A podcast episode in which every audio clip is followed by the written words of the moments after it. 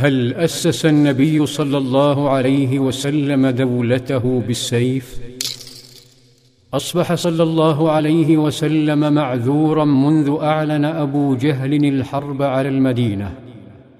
أصبح معذورا في اتخاذ أي إجراء عسكري تجاه قريش ومن معها. واتخاذ أي إجراء تأديبي تجاه مواطنيه الوثنيين المتآمرين معها. لكنه صلى الله عليه وسلم رحيم حليم. يجتمع بهم يذكرهم باستغفال أبي جهل لهم ليدمروا مدينتهم بأيديهم نيابة عنه. فيقول صلى الله عليه وسلم لقد بلغ وعيد قريش منكم المبالغ ما كانت لتكيدكم بأكثر مما تريدون أن تكيدوا به أنفسكم فأنتم هؤلاء تريدون أن تقتلوا أبناءكم وإخوانكم كلمات أعادت لهم رشدهم. فزاد احترامه بينهم فبدأ الكثير منهم ينسحبون شيئا فشيئا من معسكر ابن سلول. كان خطابه صلى الله عليه وسلم لمواطنيه خطابا تصالحيا يجمع الشمل. لا خطاب فرق تسد يذكرهم بما يجمعهم لا بما يفرقهم. يذكرهم بالجوار والرحم والنسب يذكرهم بأمن دولتهم كما فعل بالأمس عندما وقف على الحياد من الشجار الذي أثاروه مع اليهود أمام المسلمين وكاد يصل إلى السلاح فلم يصطف صلى الله عليه وسلم إلى جوار أحد. بل بقي يسكنهم يهدئهم لأن القائد إذا مال إلى طرف من شعبه لم يعد قائدا ولا رأسا. أصبح مجرد طرف. ظل صلى الله عليه وسلم قائدا يقنع بالكلمة كما كان في مكة بالكلمة لا بالصوت.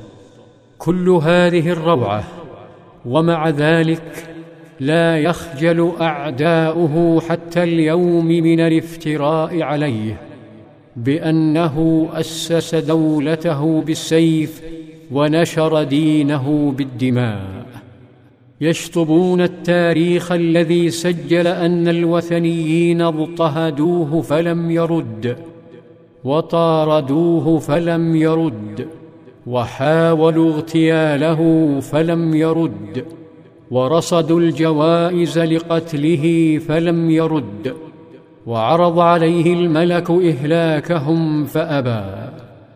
وها هو التاريخ يسجل أنه لم يتغير بعد أن أصبح زعيما. فها هي قافلة قرشية فيها بضاعة لطاغوت مكة أمية بن خلف الذي تفنن في تعذيب بلال. تصل إلى المدينة فلا يتعرض لها صلى الله عليه وسلم. بل إن عبد الرحمن بن عوف التاجر يحميها باتفاقية مع أمية في ظل الدولة الإسلامية فيقول كاتبت أمية بن خلف كتابا بأن يحفظني في صاغيتي بمكة وأحفظه في صاغيته بالمدينة. اتفاق يكشف أن نبي الله صلى الله عليه وسلم كان مشغولا بالبناء لا بالهدم وبالحب لا بالكراهية وبأنه لا يحمل شيئا تجاه أحد حتى قريش ولكن الطاغوت يفسد كل شيء بحقده. يتوجه شاب أنصاري إلى مكة وبدلا من أن يحظى بالأمن كما تحظى تجارة طواغيتها في المدينة يتهور أبو جهل فيستفزه ويمنعه فيقلب هذا الشاب حياة أبي جهل وأمية إلى جحيم. في ظلال السيرة.